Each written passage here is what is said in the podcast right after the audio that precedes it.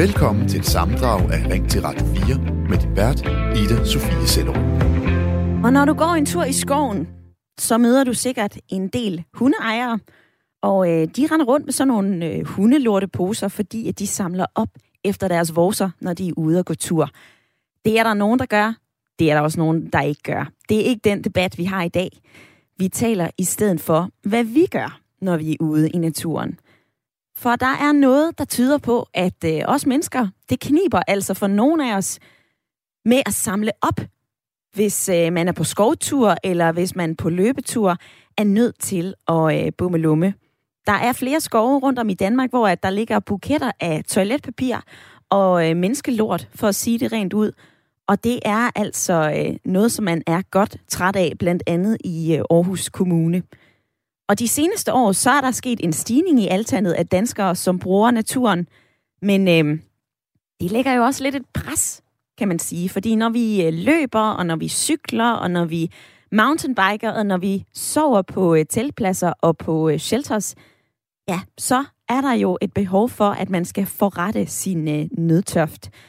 Og er det så i orden at gøre i naturen, i skoven? Men øh, jeg vil lige tage Morten med, for Morten er med i lytterpanelet. Hej med dig. Hej. Morten, jeg skal lige høre dig. Nu, øh, nu øh, skrev Karen Hofmeier, at det er okay at tisse i skoven, men det der med at lave stort i skoven, det, øh, det skal man simpelthen holde sig fra. Altså skældner du også mellem de to? Jamen det kan man egentlig godt sige. Øhm, i, den, I den ideelle verden, hvad hedder det, så skulle man selvfølgelig kun øh, på stort toilet, når man er på hjemmefronten, og, og hvad hedder det, når man er i skoven, så skal man ikke, men, men, men sådan hænger virkeligheden jo ikke øh, 100% sammen. Det er jo ikke noget, man bare kan trykke på en knap. Så det vil sige, man må gå ud fra, at, øh, at på en ganske almindelig skovtur, der, der må det være en nødsituation. Øh, og så må man have forberedt sig hjemmefra, øh, så man kan fjerne det igen. Men, men øh, jo, som udgangspunkt vil jeg da helst have, at øh, folk de, de holder sig til kun at tisse i skoven, men øh, det kan man jo ikke øh, for fanden, det kan man jo ikke øh, bare, det er jo ikke en automatik, man selv bestemmer helt nøjagtigt. Nej, det er, det er det jo ikke. Øhm, Morten, noget andet, som jeg også lige vil drøfte med dig, det er, øh, det er en, en Facebook-kommentar, som kommer fra øh, en bruger, der hedder Bjørn. Han skriver det her. Har du været på ferie i Tyskland, eller blot gennemrejse, så har du sikkert oplevet standarden på mange restepladser på motorvejene. Det er lækkert, pænt og ikke mindst rent. Men i Danmark, så er det overvejende klamt. Det er ødelagte, det er uhygiejniske toiletter, og på mange af hovedvejene, så er der altså langt mellem toiletbygningerne. Øhm, og der er også en anden en, som melder ind her på sms'en nu, at de danske restepladser og offentlige toiletter, de er simpelthen så klamme, at man vælger at, øh, at sætte sig ud i naturen i stedet for. Morten, jeg ved ikke, om du har været øh, på gennemrejse i Tyskland, men øh, synes du, at vi kunne lære lidt af, hvad de gør i andre lande? Hmm, det kan godt være, det kan godt være, at toiletterne de måske er, øh, er pænere. Det skal ikke, øh, det skal ikke kunne sige, men øh, jeg synes da, skal vi endelig snakke restepladser og sådan noget, så har der sjældent set noget mere ulækkert end, end de tyske. Øh, og det er faktisk noget, vi ser hver eneste sommer, hvor vi kører sydpå. Øh, og, og holder pause på, på en resteplads måske, fordi vi har campingvogn efter, så holder vi ofte ved siden af lastbilerne. Og det er et kæmpe svineri, øh, der ikke øh, tilnærmelsesvis øh, er på niveau i Danmark, fordi der sætter man sig simpelthen og skider ude, ja, ude i siden, øh, lige ved siden af lastbilerne. Det kan man se, der ligger dynger af papir. Så der synes jeg virkelig, det er et kæmpe svineri. Jeg har aldrig set noget lignende i Danmark, skal mm. jeg være helt ærlig, det har jeg ikke. Men det kan godt være, at toiletterne langs med de danske motorveje og lignende, de, at de måske er klamme. Det er de måske. Jeg, jeg, jeg er sjældent derinde, vil jeg sige. Øh, for, fordi det er af samme årsag. Et offentligt toilet øh, er ikke altid det lækreste. Det er det ikke. Nej, det kan vi, øh, det kan vi godt blive enige om, Morten. Du er med de næste øh, 20 minutter i øh, Ring til Radio 4, og øh, dig, der sidder og lytter med derude lige nu, du må altså også meget gerne være med i debatten. Du kan ringe her ind på øh, 72 30 44 44, eller smid mig en øh, sms. Skriv ind til 1424. Husk at begynde din besked med R4.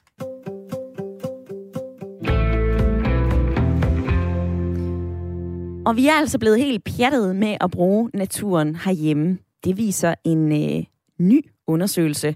40 procent af danskerne de siger, at de har brugt naturen mere i løbet af det seneste år under coronapandemien i forhold til tidligere år. Og det er altså en undersøgelse, som øh, Gallup har foretaget for Friluftsrådet. Og netop Friluftsrådet er med på en telefon lige nu. Velkommen til, Niels Christian Levin Hansen. Tak for det. Du er formand for øh, Friluftsrådet, og det er jo den her paraplyorganisation for øh, friluftslivet. Altså Niels Christian Levin Hansen, lige her til at begynde med, vi er jo blevet vilde med naturen. 40 procent af danskerne siger, hey, vi bruger naturen meget mere. Er det ikke godt? Det er rigtig god nyhed. Øh, det synes jeg kun, vi har grund til at glæde os over, og vi kan jo altså også se, når vi spørger, at der er rigtig mange danskere, der får nogle, nogle gode oplevelser, og lige pludselig har opdaget, at øh, man kan faktisk bare gå uden for døren, og så har man en rigtig god fritidsaktivitet. Men det er jo ikke helt uden problemer. Altså i dag, der taler vi om det med at, at lave bimmelim eller bummelum i skoven. Men øh, hvad er det for nogle problemstillinger, der dukker op for jer i Friluftsrådet? Jamen, jamen altså ligesom der er færdselsregler i trafikken, så er der selvfølgelig også nogle regler for god adfærd, når man er ude i naturen. Og, og langt de fleste af os, vi er, vi er i virkeligheden rigtig gode til at følge dem og tage hensyn til naturen og også tage hensyn til hinanden.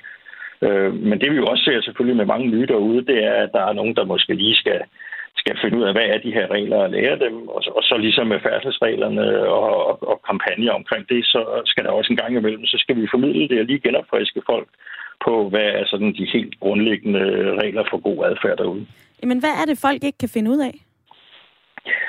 Ja, altså de fleste af som sagt, kan jo godt finde ud af det, men, men, men, men vi har sådan nogle, nogle, nogle grundregler, hvor vi siger, men, jamen, husk det i hvert fald ikke. Sørg for at tage dit, uh, sørg for at tage dit affald med dig når du har været ude i naturen. Øh, har du en hund med, så have den i snor øh, og samle op øh, deres efterlandskaber. Ikke? Øh, lad være med at tænde bål andre steder end, der, end på officielle øh, bålpladser, eller hvis på stranden, der hvor man, der, hvor man må det. Øh, og så måske det allervigtigste, det her med, at vi tager hensyn til hinanden, når vi laver forskellige ting derude. At vi gør plads, at vi, øh, vi skal også lige smile og hilse på hinanden, når vi er derude. Og så skal vi selvfølgelig tage hensyn til, øh, til planter og dyr øh, når vi er derude, og lade være med at ødelægge naturen. Mm-hmm. Og Niels Christian Levi, Levin Hansen, altså en af de måder, som øh, vi kunne komme omkring det her på med øh, at tisse eller skide i skoven, det kunne jo være at sætte nogle flere toiletter op, eller hvad? Det lyder som en rigtig god idé, øh, og, og, og vi har også øh, vi, vi foreslår, at, at, at vi gør det meget bedre derude at der netop er adgang til, øh, til, øh, til toiletter, øh, at der øvrigt er adgang til, hvis man, hvis man øh, steder, hvor man måske lige kan sidde og, og spise sin frokost og, og, og andre ting derude. Jeg tror, med, med, med relativt få faciliteter kan vi gøre det her øh, meget nemmere. Mm. Og øh, mens vi to vi taler sammen, så er der jo flere, som byder ind på sms'en, fordi at det er øh, Ring til Radio 4. Det er jo lytternes samtale- og debatprogram, Niels Christian Levin Hansen.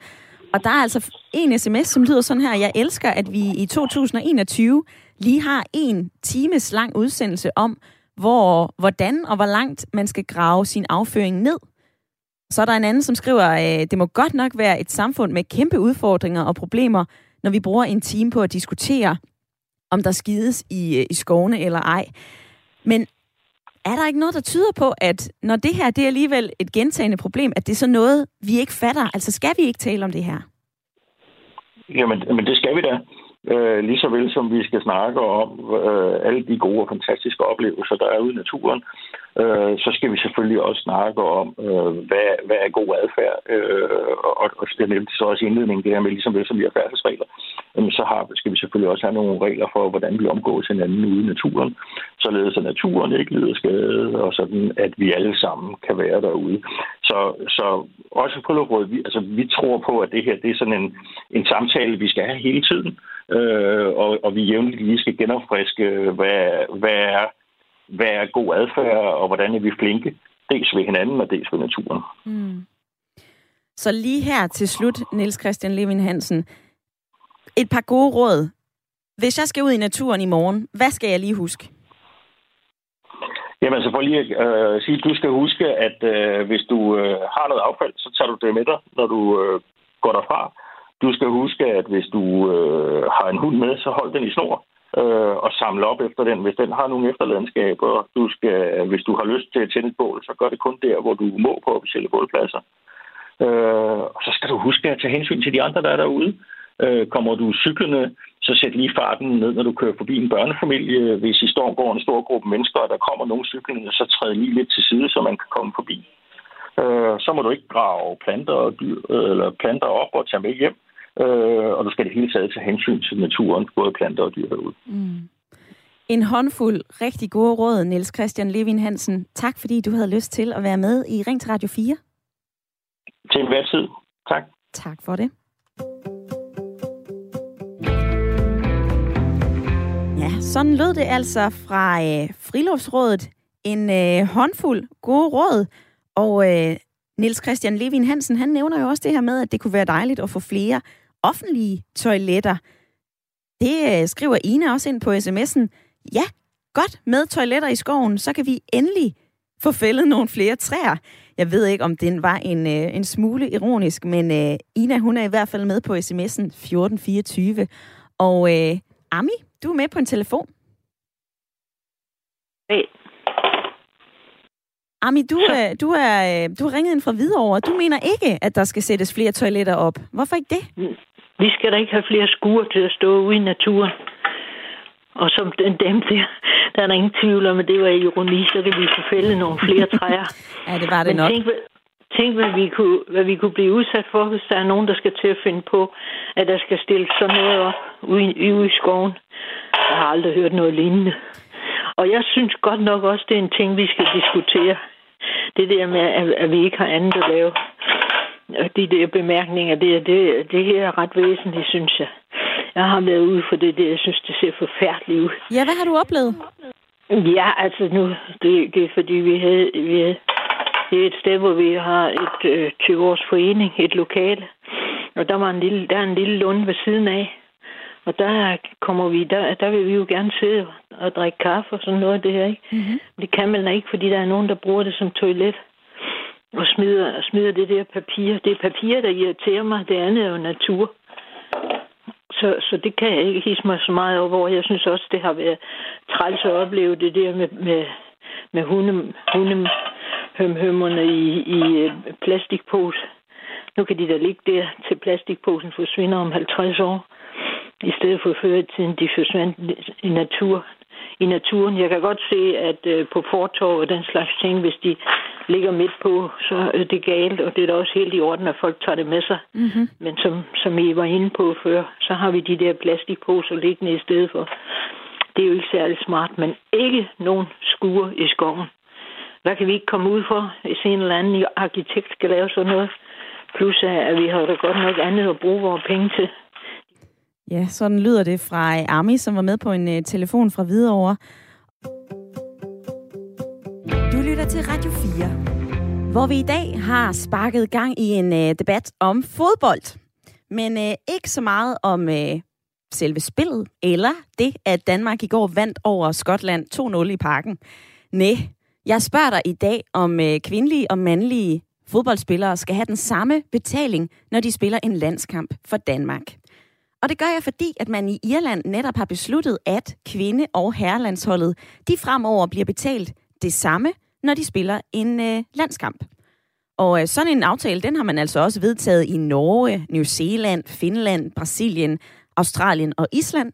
Men altså ikke her i Danmark. For øh, her i Danmark, der får de mandlige fodboldspillere stadig mere i betaling. Og for at få det samlede overblik over, hvad det egentlig er, det er pænt svært, skulle jeg lige hilse at sige, fordi at øh, mændene og kvindernes spilleraftaler, de er altså ikke til sammenligning. Det er jo Spillerforeningen og DBU, som forhandler dem. Og dem kan man altså ikke sammenligne på den her måde. Men et eksempel, som jeg kan give dig, det er tilskuertillægget, som hver spiller får. For når herrelandsholdet spiller en øh, hjemmetestkamp, ja, så får hver spiller 1 krone og 12 øre per solgt billet. Og her får de kvindelige fodboldspillere så 50 øre per billet. Så øh, i dag, der diskuterer vi altså, om øh, vi skal følge trop, om Danmark skal gøre, ligesom øh, Irland nu har gjort, om øh, kvindelige og mandlige fodboldspillere skal have den samme betaling, når de spiller en landskamp for Danmark. Og øh, nu vil jeg sige velkommen til dig, Daniel, fordi øh, du er med på en telefon fra København. Og du Ja, det er siger, rigtigt. hej med dig, du Hej. siger, at det her, det handler om øh, efterspørgsel. Hvorfor det? Ja, altså, jeg synes jo, at øh, jeg går fuldstændig 100% ind for lige løn for lige arbejde. Men det synes jeg så også handler om, at hvis du for eksempel har en kvinde ansat i et, i et firma, hvilket som helst privat firma, og hun genererer en større indtægt til firmaet end hendes mandlige kolleger, så synes jeg også, at det er rimeligt, at hun får mere i løn. Ja. Og på samme måde synes jeg, at det princip bør, bør gælde generelt overalt, øh, at hvis du genererer en større værdi til den, det firma, du repræsenterer, så synes jeg også, det er rimeligt, at du får en øh, større løn, men jeg synes så, at vilkårene skal være det samme. Og så derfor er jeg enig med mange af de andre her, som har sagt det her med, at billet, altså beløbet per billet, det synes jeg selvfølgelig, det skal være det samme. Mm-hmm. Det, Men øh, Daniel, hvis vi nu lige bliver i, øh, i det her eksempel, du kommer med, øh, altså hvis man nu er en, en, en god sælger, og man øh, er i en stor virksomhed, så skal man selvfølgelig belønnes derefter. Hvad hvis nu man bare er i en mindre virksomhed? Det går også rigtig godt, men det er en virksomhed, som ikke rigtig kan måle sig med, med de store. Er det ikke uretfærdigt? Altså, øh, skal vi ikke tage hånd om det forsøg at, at lave en balance i det her? Jamen, jeg synes ikke, der er nogen, der råber op omkring det der med, hvis du nu siger, følger dit eksempel med en lille virksomhed, så er der jo ikke nogen folkestemning omkring, at der må vi gå ind og støtte dem. Så er det jo op til den lille virksomhed at kæmpe sig til en større position på markedet, sådan så de genererer en større værdi. Ja. Jeg synes ikke, at det der med uretfærdighed, det, altså, jeg synes, at det er retfærdigt, hvis man har lige vilkår i forhold til, hvilke muligheder man har. Men så må der også ligge noget til en selv i forhold til at, ligesom at skabe en værdi ud fra de vilkår, man er, man er blevet stillet. Mm. Så vilkårene skal være det samme. Øhm, men hvis man ikke genererer den samme værdi, så synes jeg heller ikke, man skal have øh, samme beløb.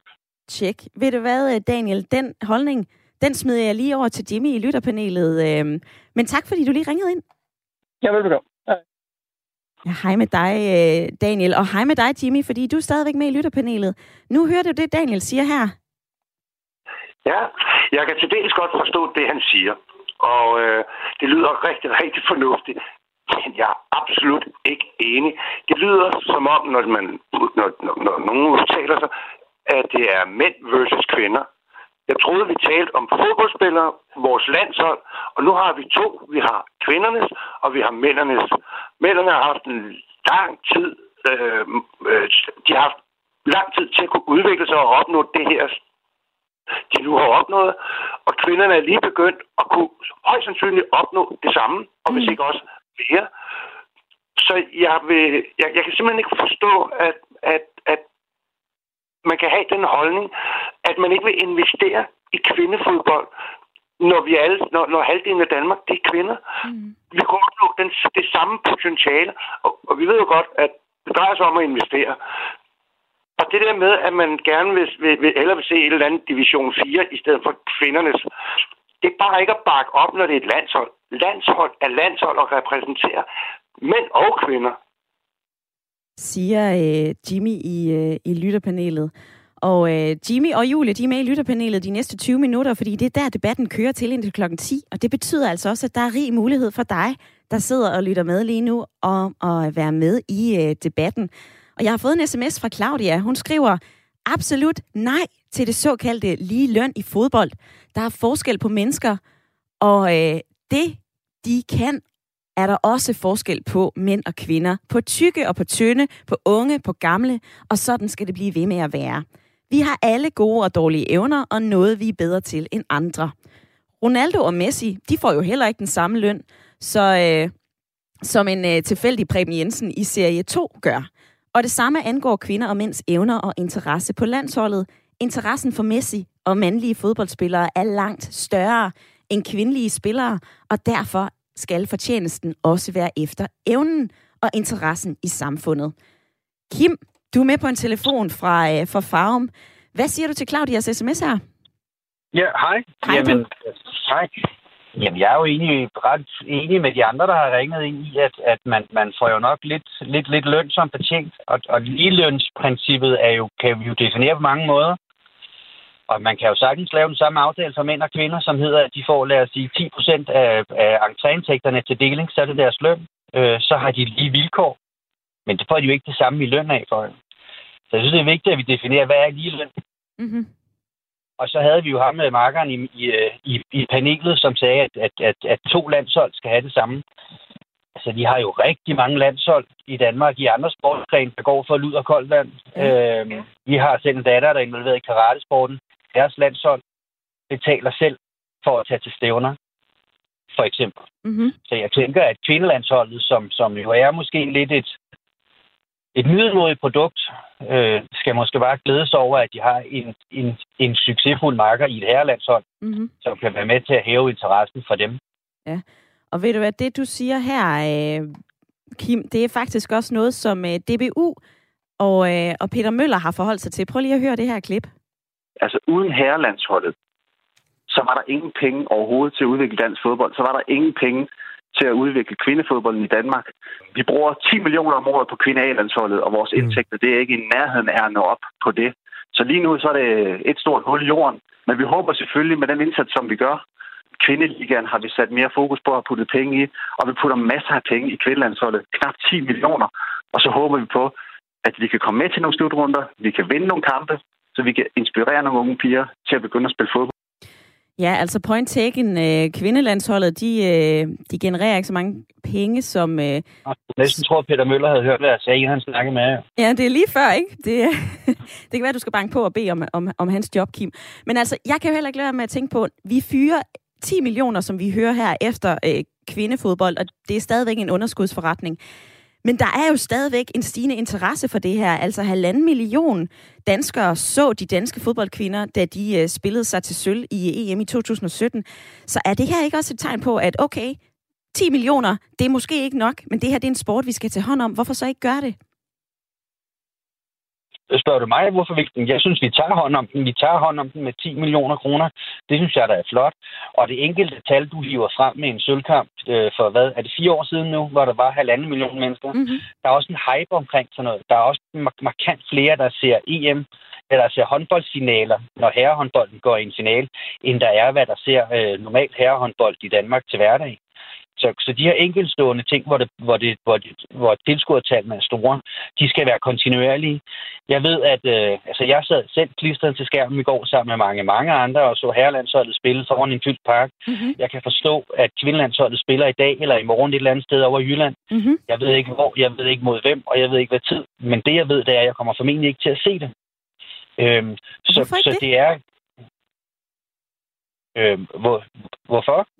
Jeg er bare nysgerrig. Øh, jamen, det, det gør jeg ikke, fordi jeg synes ikke, at det er en særlig god vare. Øh, fodbold er en vare, som alle andre varer er, og, og den, øh, den er ikke attraktiv for mig. Øh, jeg synes ikke, den er spændende. Jeg synes ikke, det tekniske niveau er så højt. Mm-hmm. Øh, jeg synes tit og ofte, der er nogle fejl, hvor man sidder og tænker, det, det, det er ikke landshold værdigt. Øhm, så derfor synes jeg ikke, produktet er, er særlig godt. Så vil jeg hellere vente til, der er Superliga, eller der er landskamp, eller der er Champions League. Der er så meget fodbold at vælge imellem. Og ved du og hvad? de få øh, kampe, jeg Ja, og de få du, kampe, jeg har mulighed for at sige, mm. Se det, de skal være ordentlig kvalitet. Og det er det kvindelandshold desværre ikke endnu. Modtaget. Ved du hvad, Kim?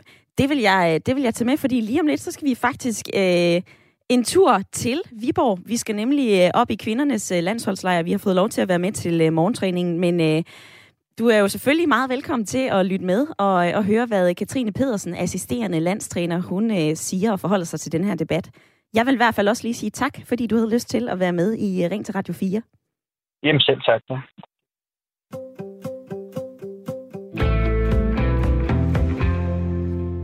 Ja, og øh, vi venter stadigvæk lige på at få øh, hul igennem til øh, morgentræningen og, øh, og kvindelandsholdet i Viborg, men øh, jeg vil lige læse en sms op fra Per, for han har skrevet den her. Jeg synes bestemt, at kvinderne skal have 1 krone og 20 øre per tilskuer på lige fod med mændene. Slet ordnet køn i øh, enhver løndebat, men at kalde det lige løn for lige arbejde, ja, det er altså noget sludder. For øh, min datter på to år, hun får jo heller ikke 40 millioner dollar for hendes malerier, selvom hun klasker maling på et lærred ligesom Picasso. Så er der den her, hvis det er musikere eller en stand så får de jo løn efter evnen til at tiltrække publikum. Det tænker jeg er okay. Jeg har svært ved at se, hvorfor det er anderledes med fodbold. Hvis vi kan se om en øh, almindelig, hvis vi kan se om et almindeligt lønmodtagerjob, ja, så kan vi jo også lave en øh, overenskomst og give dem en timeløn. Og den her debat, som vi har øh, i dag, det kan jo meget hurtigt blive sådan en snak om øh, dem der over på, øh, på landsholdet. Men nu så har vi ringet op til øh, kvindernes landsholdslejr, og vi har fået lov til at hive dig væk fra øh, morgentræningen i, øh, i fem minutter. Velkommen til programmet, Katrine Pedersen. Øh, tak for det, men I har ikke hævet mig væk fra landsholdslejren, skal jeg jo lige meddele. Jeg er ikke assistenttræner længere. Jeg har trænet med holdet AGF mit hold. Modtaget. Ved du hvad, der står noget andet i mine papirer. Ved du hvad, Katrine Pedersen, det beklager jeg, men øh, jeg kan sige så meget, at du har jo selv tidligere spillet og været anfører på øh, kvindelandsholdet. Altså det var du i, øh, i 94 til 2013, og du har altså haft over 200 landskampe. Øhm, mm. Lige her til at begynde med, hvordan var forholdene for, øh, for kvinderne i forhold til mændene dengang? Ja, men det, øh, jeg er ikke sikker på forholdet. Øh, jeg er ikke sikker på, hvordan øh, herrerne var lønnet i 90'erne. Men øh, vi var i hvert fald ikke lønnet. Øh, og det er først kommet ind sent i min karriere. Jeg tror, den eneste slutrunde, jeg har, jeg har modtaget bonus fra, var da vi vinder bronze, eller får bronze i 2013. Mm. Så der, øh, og der, det var efter at have været medlem af Spillerforeningen også i, i nogle år, og har arbejdet målrettet på at forbedre vilkår. Mm-hmm.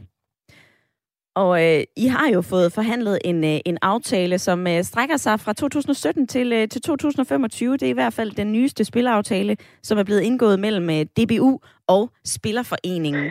Øh, Katrine Pedersen, jeg vil også bare gerne forholde dig til det spørgsmål, som jeg også spørger lytterne om i dag. Altså, synes du, at, øh, at de kvindelige og mandlige fodboldspillere, de skal have den samme betaling, når de øh, spiller en landskamp for Danmark? Øh, ja, det synes jeg i principielt skal. Jeg synes principielt, at når du repræsenterer dit land, du er udvalgt, fordi du er den bedste i dit land. Mm-hmm. at spille for landshold, landsholdet. Og det er et honorar, der udbetales for at, for at deltage øh, i en landskamp. Og når det er et honorar, så betyder det også, at det ikke er en løn. Øh, en løn, som er betalt af en arbejdsgiver. Mm. Og jeg synes principielt, at det skulle honoreres lige, uanset om du er kvinde eller mand, når du repræsenterer dit land mm. på landet. Og Katrine Pedersen, jeg ved ikke, om du har lyttet lidt med i, i løbet af programmet i dag, men der er i hvert fald flere, som, øh, som siger, prøv at høre, det her, det handler også om efterspørgsel. Der er ikke lige så meget opmærksomhed, lige så mange, der har lyst til at se kvindefodbold. Så det er jo også øh, en af grundene til, at betalingerne de kan være lidt lavere, fordi det er herrefodbold, der bare genererer flest penge, og det er også det, de, øh, de bliver betalt derefter. Kan du se fidusen i, i de argumenter? Ja, det er sådan set godt. Altså, kan jeg godt, det er godt, at det er herre A-landsholdet, som genererer allerflest penge ind til DBU. Øh, langt størstedelen altså, er, er det, som egentlig betaler for hele DBU's øh, øh, uden at jeg sådan skal sige, at jeg er enig i det økonomiske i DBU, men, men det er i hvert fald ikke kvinderne, som genererer mange penge ind. Jeg synes bare principielt alligevel, når det er et honorar, og man repræsenterer sit land, så synes jeg, at det skal honoreres lige. Og det synes jeg ikke er det samme som, at, øh, at øh, vi for eksempel her i AGF, kvinderne får ikke lige så meget løn som, som herrerne, og der er noget med markedskraft, og der er noget med efterspørgsel, og der er noget med antallet af tilskuere, så jeg kan sagtens se argumentet. Jeg synes bare principielt, øh, at det kunne være et rigtig godt statement og et rigtig godt signal, hvis man, øh, hvis man i unionen, altså Dansk Boldspilunion, mm. øh, honorerede det lige. Mm. Og det synes jeg også, fordi jeg kommer af, af at have været i kvindefodbold i mange år, og vi har, vi har arbejdet for bedre vilkår, og jeg synes, kvinderne fortjener gode vilkår. Øhm, så, så det, er, det er min holdning. Katrine Pedersen, øh, lige her til sidst, du nævner også øh, DBU, og vi har tidligere talt med formanden øh, Peter Møller. Prøv lige at høre, hvad, hvad han siger her i, øh, til den her debat vi vil rigtig gerne lave ligeløn i DBU, hvis, hvis Spillerforeningen og spillerne er med på det. Så det kan vi sagtens gøre. Lige nu har Spillerforeningen valgt, at kvinderne har en anden sikkerhedsmodel, i og med, at de både får for at blive udtaget og også for at spille uafgjort. Øh, de får også de her stipender. Øh, men ellers har de jo nogenlunde de samme øh, principper altså Spillerforeningen, som jo egentlig repræsenterer jer, altså der er jo blevet forhandlet øh, flere forskellige ting. Nogle stipendier, som, øh, som man som kvindelig fodboldspiller får, som man som mandlig fodboldspiller ikke får. Og så den her større sikkerhed, som Peter Møller han taler om. Så øh, altså, hvorfor er den her lige betaling så så vigtig, når I har de her aftaler i forvejen? Ja, men jeg synes, det, jeg synes, det er svært at gå ind og sammenligne, fordi det er to forskellige modeller. Mm. Og jeg forstår udmærket, hvad Peter, Peter Møller han siger, og jeg ved også, at der arbejdes for at, give, for at gøre vilkårene for kvinderne bedre i DBU, og det er en rigtig god fremgang i, i den måde, som, som jeg synes, det DBU, vi, vi ser uh, i dag, de arbejder på for, mm. for begge køn. Altså, man ser to identiske søjler med kvinder og mænd, piger og drenge. Så jeg, så jeg synes, der er masser af godt i gang. Øhm, Og, og, og, og sammenligne modellerne, det er svært, og det kan jeg ikke svare på. Jeg synes bare principielt, og det er min holdning, og jeg siger bare det samme igen. Jeg synes, det skal honoreres lige. Mm. Og øhm, Katrine Pedersen, lige kort her til sidst. Tror du nogensinde, at, at vi kommer på den her liste med lande, som har indført lige betaling for landsholdene, når de spiller en landskamp? Det er jo både øh, Norge, New Zealand og nu også Irland. Tror du, det kommer til at ske herhjemme? Ja, det tror jeg faktisk. Modtaget. Katrine Pedersen, tidligere assistenttræner for kvindelandsholdet, og du har selv spillet på kvindelandsholdet i 20 år. Tak fordi, at du var med i Ring til Radio 4. Selv tak. Du lytter til Radio 4, hvor vi i dag er øh, taget et smut på biblioteket, fordi vi diskuterer om øh, bibliotekerne stadigvæk er en øh, vigtig, nødvendig del af det danske samfund her i øh, 2021, eller om tiden måske er ved at løbe fra bibliotekerne. Og grunden til, at vi gør det, det er fordi, at øh, bibliotekerne, som øh, langt de fleste andre kulturinstitutioner, har fået et ordentligt gok i nøden efter corona og nedlukninger. Men sådan helt generelt, så kan jeg se på tal fra Danmarks Statistik, altså at det går lidt tilbage, både når det handler om udlån af fysiske bøger, men altså også besøgstal på de danske biblioteker. Så er øh, Tina også klar ved sms'en. Hun skriver, hej, jeg er storforbruger af biblioteket, hvor man jo udover at kunne læse alt det, man ikke kan finde på nettet, kan fordybe sig i sine studier, fordi alt er til rådighed. Tekster, internet, printer, scanner og særlig vejledning. Lad nu ikke den dominerende ungdom ødelægge disse oaser, har Tina skrevet ind. Og en af grundene til, at jeg også har taget den her debat med til jer i dag, det er jo fordi, at jeg fandt ud af, at vi bruger 2,5 milliarder kroner på øh, de danske biblioteker. Og det svarer i gennemsnit til øh, 420 kroner per dansker. Det er penge, som vi øh, betaler over vores skat. Og der er der kommet en sms, som skriver, de penge, dem kan vi altså sagtens bruge på en anden måde. For eksempel ved at forbedre forholdene for vores ældre og en, øh, en hjertesmiley. Og det her med at se på, hvordan man øh, skal bruge pengene på en, øh, en anderledes måde, det var også det, som øh, Carsten Bo Larsen, forskningschef fra Cepos, han kom ind på i første halvdel af Ring til Radio 4. Og øh, fra det interview, så vil jeg altså springe direkte til Varde, fordi der er du med, Claus. Ja, hej. Hej. Du, øh, du er heller ikke, som, øh, som Carsten Bo Larsen, helt fan af de danske biblioteker. Hvorfor ikke det? Øh, altså, jeg synes jo, at bibliotekerne i den form, de har i dag, er lidt en, en dinosaur. Øh, og og øh, jeg mener ikke, at man skal tage pengene og bruge dem på noget andet. Jeg mener, at man skal bruge dem øh, mere fornuftigt. De her store øh, steder, hvor man har en masse bøger stående i lange reoler, det, det er jo den del, jeg synes, der er måske lidt, lidt øh, overvurderet efterhånden. Og man kan jo sige, det der nu, der snakker meget om velfærdssamfund, for eksempel. Ikke? Altså, øh, selv de, de nærmest de mest fattige mennesker i, øh, i Danmark, de render rundt med en smartphone. Mm. Så, så øh, bibliotekets egen øh, e-reol er jo helt fantastisk. Den bruger jeg jo en del. Jeg tager tit bøger igennem på den, fordi det er dejligt nemt at gå til. Mm. Og så er det jo gratis. Øh, jeg har selv børn i alderen 11-14 år, og øh, i skolerne, der bruger de jo noget, der hedder BookBrights ja. hvor de får, øh, nærmest får point efter, hvor lang tid de læser. Og det er faktisk, har jeg fundet ud af, den største motivationsfaktor for, at de overhovedet kommer i gang med at læse. Altså, de får point? Øh, jeg har også... Ja. Mm-hmm. Jeg har også taget med på biblioteket, og det gør vi også en gang imellem. Men, men biblioteket har jo udviklet sig øh, netop for, på grund af manglende udlånstal. Der har de udviklet sig til sådan en, øh, en mini-SFO, øh, for at gøre det interessant for børnene at komme. Mm. Og det har ikke noget med bøger at gøre. Det har ikke noget med læsning at gøre, at, at man laver man laver papfigurer og, og sjov computerspil for dem, for at de skal komme ind ad døren. Ikke? Mm. Så, så øh, det mener jeg, at man kan gøre meget bedre på, øh, på skolerne. Bruge de der øh, fantastiske læsevejledere, som, som de har øh, blandt andet i Varde Kommune, der bruger man mange af de her læsevejledere. Øh, tage fat i de børn, der ikke er så gode til at læse, de børn, som, som har svært ved det, og så øh, for de børn, som har, er rigtig gode til at læse, lave nogle bogklubber. Ja.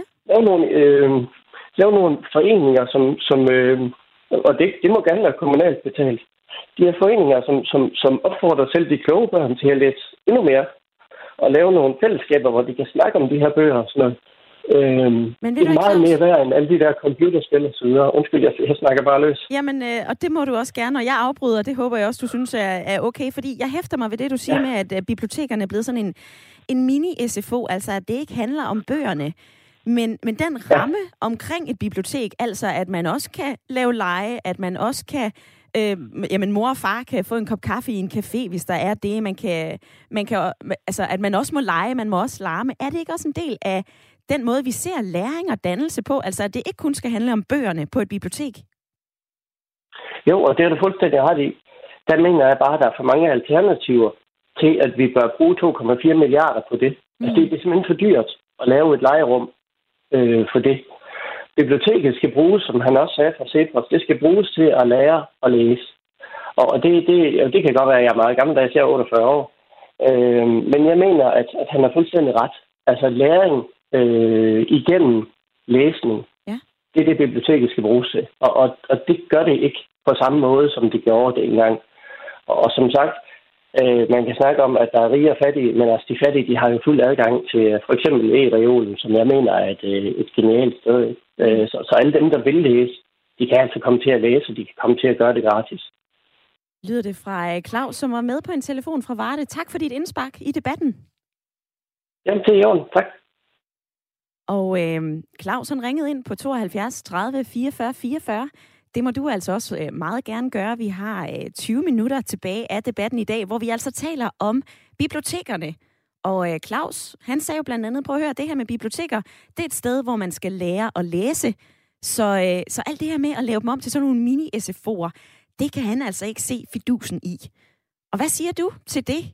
Hvad er din reaktion på, øh, på det, som blandt andet Claus her, han, øh, han sagde i debatten? Ring her ind, eller send mig en sms. Skriv ind til 1424. Og øh, der er en fra Anne-Louise. Hun skriver den her, hej, det er vanvittigt at tale om at lukke landets biblioteker. Mange af mine argumenter er allerede blevet nævnt, men klimamæssigt set, så er bibliotekerne noget, der skal prioriteres. Jeg er ivrig gænger i genbrugsbutikker, og jeg synes, det er vildt at se, hvor mange nye bøger, der er at finde der.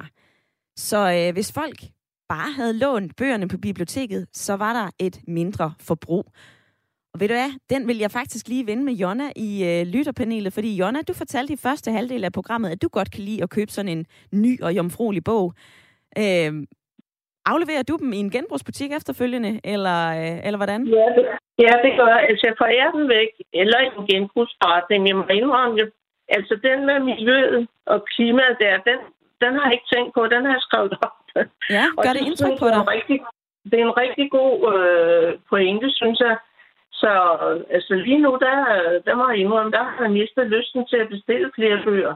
Fordi jeg har, jeg har sådan øh, sagt til mig selv, med, for at få god samvittighed, ikke? jeg forærer den væk og, øh, og lægger dem i genbrugsforretninger, men jeg har ikke nogen garanti for, at det bliver solgt. Og hvad gør de så ved dem i genbrugsforretninger? Øhm, ja, det er også sådan noget med, med klima, jeg tænker på, ikke? Ja, så kan det være, at der er andre, som i hvert fald får, øh, får fingre i, øh, i bøgerne, når man, øh, lægger dem i en, øh, i en genbrugsbutik. Men øh, Jonna, jeg springer lige øh, tilbage i sms-indbakken, fordi at, øh, der er kommet en anden en, der siger, jeg bruger mit lokale bibliotek flere gange ugenligt. Jeg er studerende, og jeg kan godt lide atmosfæren på biblioteket. Og desuden, så har jeg altså ikke råd til at købe bøger i massevis. Så jeg synes, det er fantastisk, at jeg kan låne dem. Og øh, nu synes jeg, at vi skal tage debatten derud blandt boghylderne. For øh, i flere kommuner, så forsøger man altså at nytænke hvordan de her biblioteker skal se ud. Og det, gør, det er noget, man gør fra øh, politisk hold. Og blandt andet, så kan man lave de her biblioteker om til kulturhuse. Det har du øh, måske stødt på i, øh, i dit bibliotek. Men det er i hvert fald, hvor biblioteket det også kan være en øh, lokal politistation. Der kan være en café. Det kan også være, at borgerservice er rykket ind. Og øh, sådan et kulturhus, det er noget, som man har gjort på øh, Vejle-bibliotekerne. Og Vejle-bibliotekerne, de det dækker altså over øh, bibliotekerne i Vejle, Børkop, Ægtved, Jelling og Give. Og det her er jeg ret nysgerrig på, så derfor så har jeg øh, ringet til dig, Morten Rønnelund, afdelingsleder ved øh, Vejle-bibliotekerne. Velkommen til programmet. Tak skal du have. Nu bliver jeg nødt til at spørge dig, fordi at, øh, jeg har hørt, I har lavet de her øh, flere bibliotekerne om til kulturhuse. Altså bliver det ikke et miskmask, hvis noget både er et bibliotek, borgerservice, café, en politistation, you name it?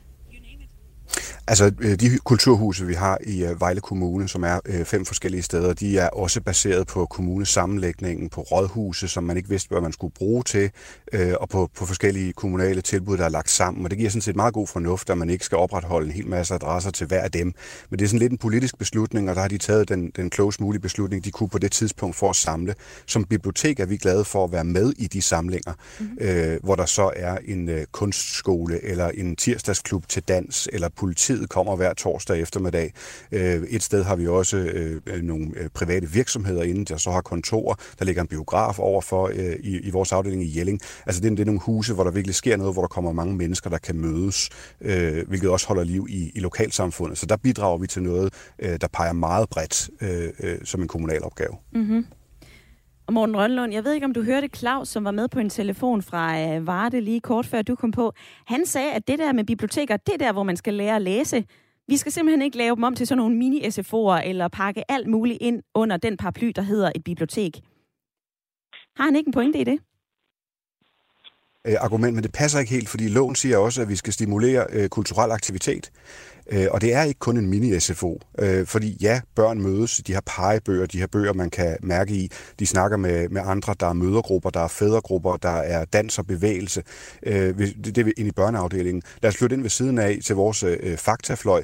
Tidligt om morgenen, inden vi overhovedet har åbnet, biber folk så ind med deres sundhedskort og sidder og læser den avis, de ikke har råd til at holde, fordi den også koster 4.000 kroner om året. Mm. Og der sidder de så ved bordene, læser den og snakker sammen. Voksne mennesker, der snakker om, hvad der er sket i deres by, hvad for noget, der sker på i, i, i politik. Altså, det er ikke bare en stor SFO. Der er rigtig mange øh, mødepunkter. Studerende i studiezonen, der hjælper hinanden med deres opgaver. Kan du huske dengang, du skulle lave din afslutning i 3.G og så videre. Ja. Der sker rigtig meget mere end bare SFO. Og tidligere i programmet, Morten Rønnelund, så talte jeg jo med øh, forskningschef Carsten Bo Larsen fra den liberale tænketank Cepos. Og Cepos har jo igennem flere år sat spørgsmålstegn ved, hvor vigtige bibliotekerne er Altså, han kom ind på, at biblioteker er jo ikke længere sådan en luksusvare. De kan købes, øh, eller bøger er ikke længere en luksusvare. De kan købes billigt, og der er jo faldende udlånstal. Altså, øh, han kommer ind på, at vi simpelthen skal se, hvordan vi bruger de her 2,5 milliarder kroner på bibliotekerne på en anderledes måde. Hvad siger du til den kritik? Men det synes jeg er rigtigt, at vi skal se på, hvordan vi, vi, vi bruger de penge. Øh, vi skal også se på, om opgaven for bibliotekerne har ændret sig fra før til nu. Men vi skal ikke lade som om, at opgaven ikke længere findes.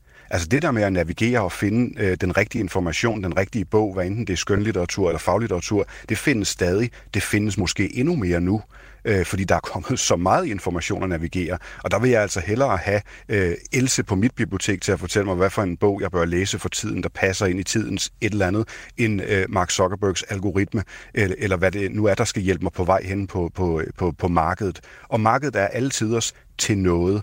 Der er også noget, markedet ikke kan få en forretning ud af, og der er vi også nødt til at hjælpe. Øh, der er også en bredde, som, øh, som, som en bibliotekar kan hjælpe dig med at finde nogle hjørner og nuancer, som den der algoritme på markedet ikke altid kan hjælpe dig til. Mm. Så det mhm. skal vi bare huske at have med, hvis vi skal gentænke øh, efter Cepos tanker. Mm-hmm. Altså Cepos, de, øh, jeg læste et arbejdspapir, hvor de sagde, øh, at, øh, at det her med folkebibliotekerne, det var jo bøger, det var udlån, og det var andet godt. Lige, lige her til sidst, Morten Rønnelund, når vi har alle de her muligheder for at høre en podcast, eller finde en lydbog, eller gå på Netflix eller HBO, hvorfor er det så, at, øh, at vi skal gå på biblioteket i stedet for? Ja, for eksempel fordi for hver af de overskrifter, du sagde der, der koster det 149 kroner, og så er vi allerede langt over prisen for det, som bibliotekerne kan bidrage med. Mm-hmm. Og ja, vi, vi har en rig, god, solid middelklasse i Danmark, der er velstillet, og de spørger, hvad pengene bliver brugt til. I get this, for at snakke nydansk. Men, men vi har også nogen, der ikke kan, og de skal stadig have en basisadgang til, til oplysning. Vi er nødt til at holde det niveau højt. Morten Rønnelund, afdelingsleder ved øh, Vejle Bibliotekerne. Tak for din input i øh, debatten i dag. Selv tak.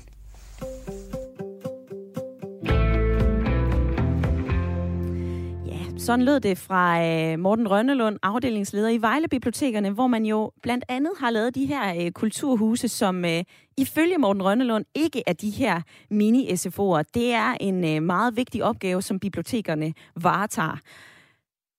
Janus fra København, han har også øh, sendt en sms til, har han gjort ind til 1424, den vil jeg læse for dig nu, fordi han skriver, Hej, bibliotekerne er analoge vidensbanker.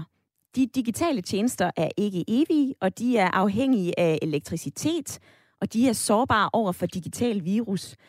Så de her 420 kroner per person per år, det er da en virkelig god pris. Hvis noget er overflødigt, så er det da forsvaret. Og det er en debat, som vi ikke når i dag i øh, uh, Ring til Radio 4. Vi uh, er stadigvæk i, uh, i biblioteket og blandt boghylderne, men uh, Jesper, han har skrevet den her. Vi brugte flere milliarder i måneden på coronatests og andet, så hvis vi slettede bibliotekerne, ja, så vil de milliarder forsvinde i et andet sort hul. Så man behøver altså ikke at være så progressiv på, øh, på alle kanter, og det siger jeg altså som 28-årig. Og så er der Annette, hun har skrevet, at bibliotekerne er lige så vigtige i samfundet, som de altid har været.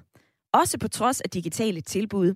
Biblioteket står for folkeoplysning og almen dannelse, og alene i skønlitteraturen med en bog i hånden tilbyder såvel underholdning som læring. Så de her småpenge, som vi betaler over skatten, det er uden, sammen, det er uden betydning i den her sammenhæng.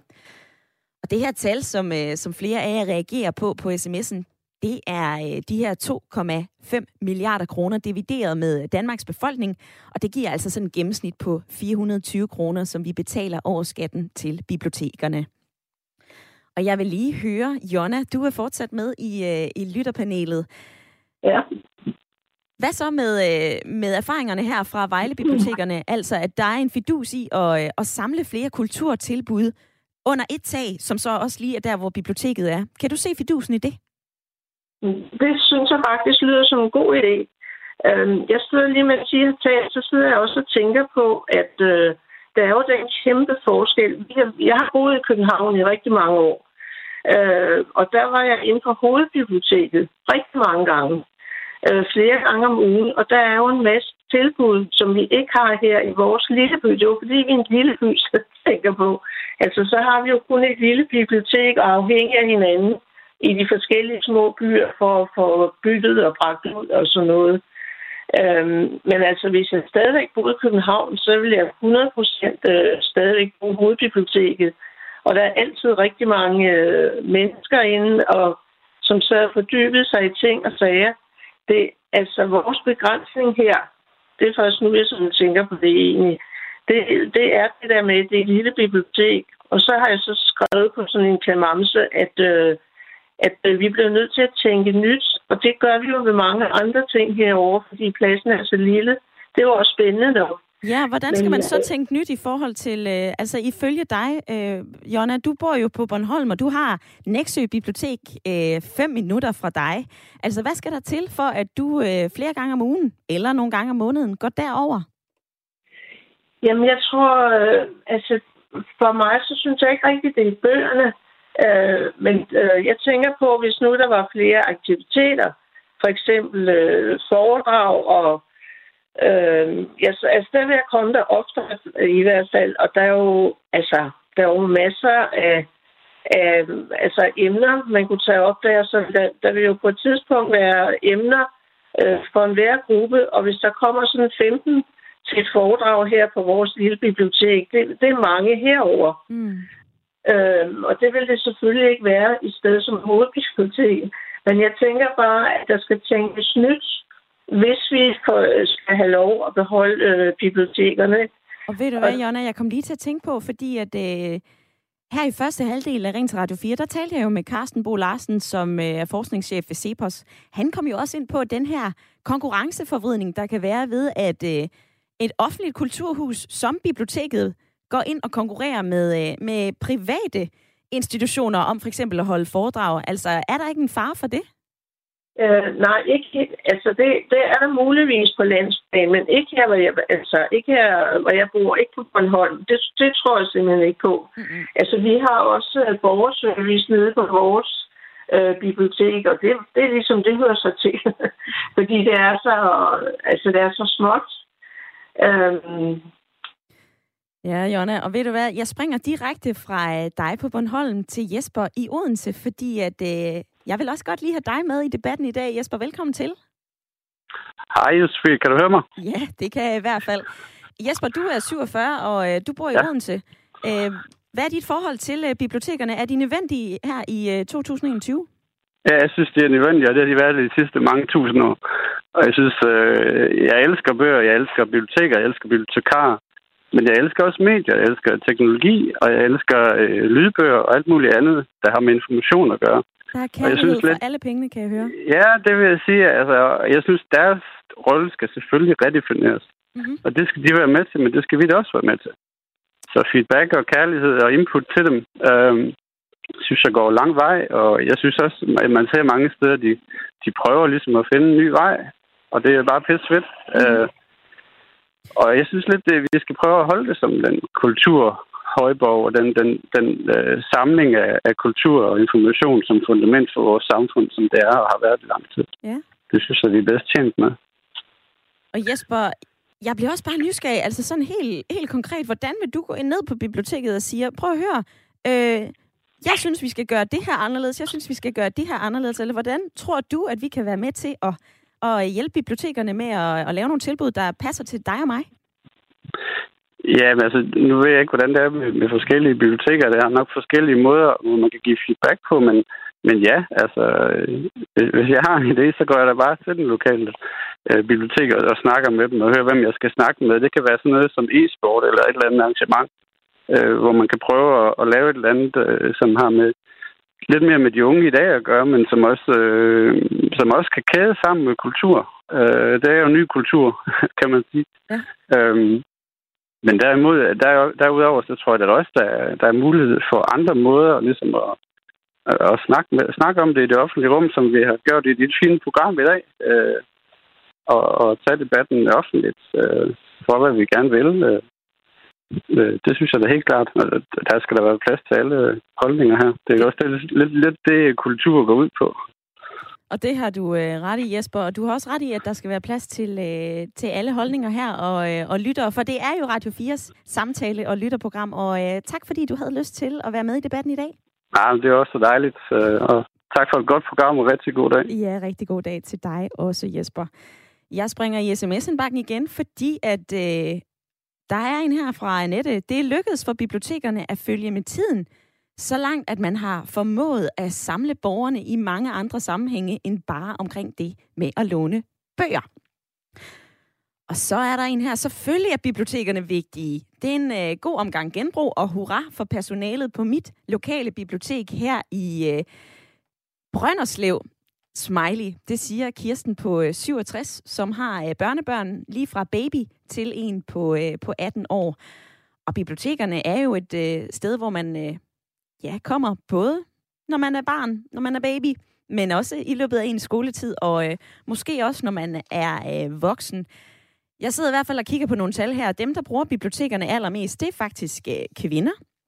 Og øh, de bliver brugt til både at læse, men de bliver altså også brugt til at studere, de bliver brugt til at søge information, de bliver brugt til at, øh, at klikke rundt på nettet, og så bliver de altså også brugt til at kigge på de her digitale muligheder for e-bøger, e-aviser og lydbøger.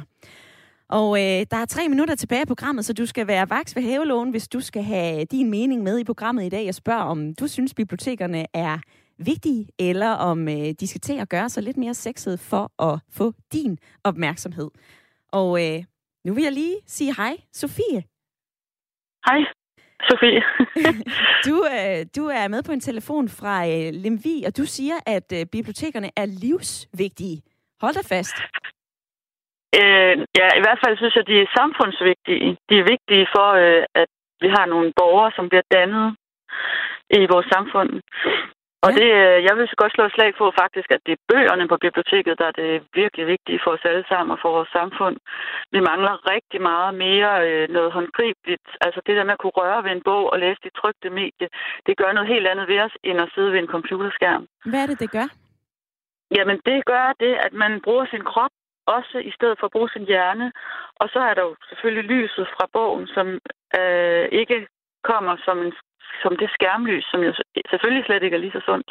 Mm. Og så er der også bare det der, den ro, der er i at sidde med sammen med en bog. Den, har, den giver noget helt andet. Jeg tror, en hel masse forskere om medier kunne sige noget om, mm. som jeg ikke kan. Men jeg, nu har der været altså i programmet her har der været meget tale om alt det andet hokus pokus, som bibliotekerne kan. Jeg synes bare, det aller, aller vigtigste med bibliotekerne for samfundets skyld, det er det, at vi kan læse bøger. Og jeg synes faktisk, at øh, politikerne burde gøre noget mere for, at borgerne kommer på biblioteket og får læst trygte bøger. Og sådan lyder det fra øh, Sofie, som var med på en telefon fra Lemvi. Tak fordi, at du lige havde lyst til at sparke din mening ind i dagens debat, Sofie. Ja, selv tak. Og øh, som Sofie nævner, så er der altså noget dejligt ved at sidde med en, en rigtig bog. Det skriver Charlotte også ind på øh, sms'en. Hun siger, at øh, bibliotekerne de skal bevares. De har en vigtig opgave, og det er altså dejligt at sidde med en øh, rigtig bog mellem hænderne. Og jeg er i hvert fald en flittig bruger. Vi har talt om bibliotekerne her i øh, dagens udgave af Ring til Radio 4. Jeg vil sige tak for alle de gode sms'er, som er fløjet ind i indbakken, og tak til jer, der har ringet ind.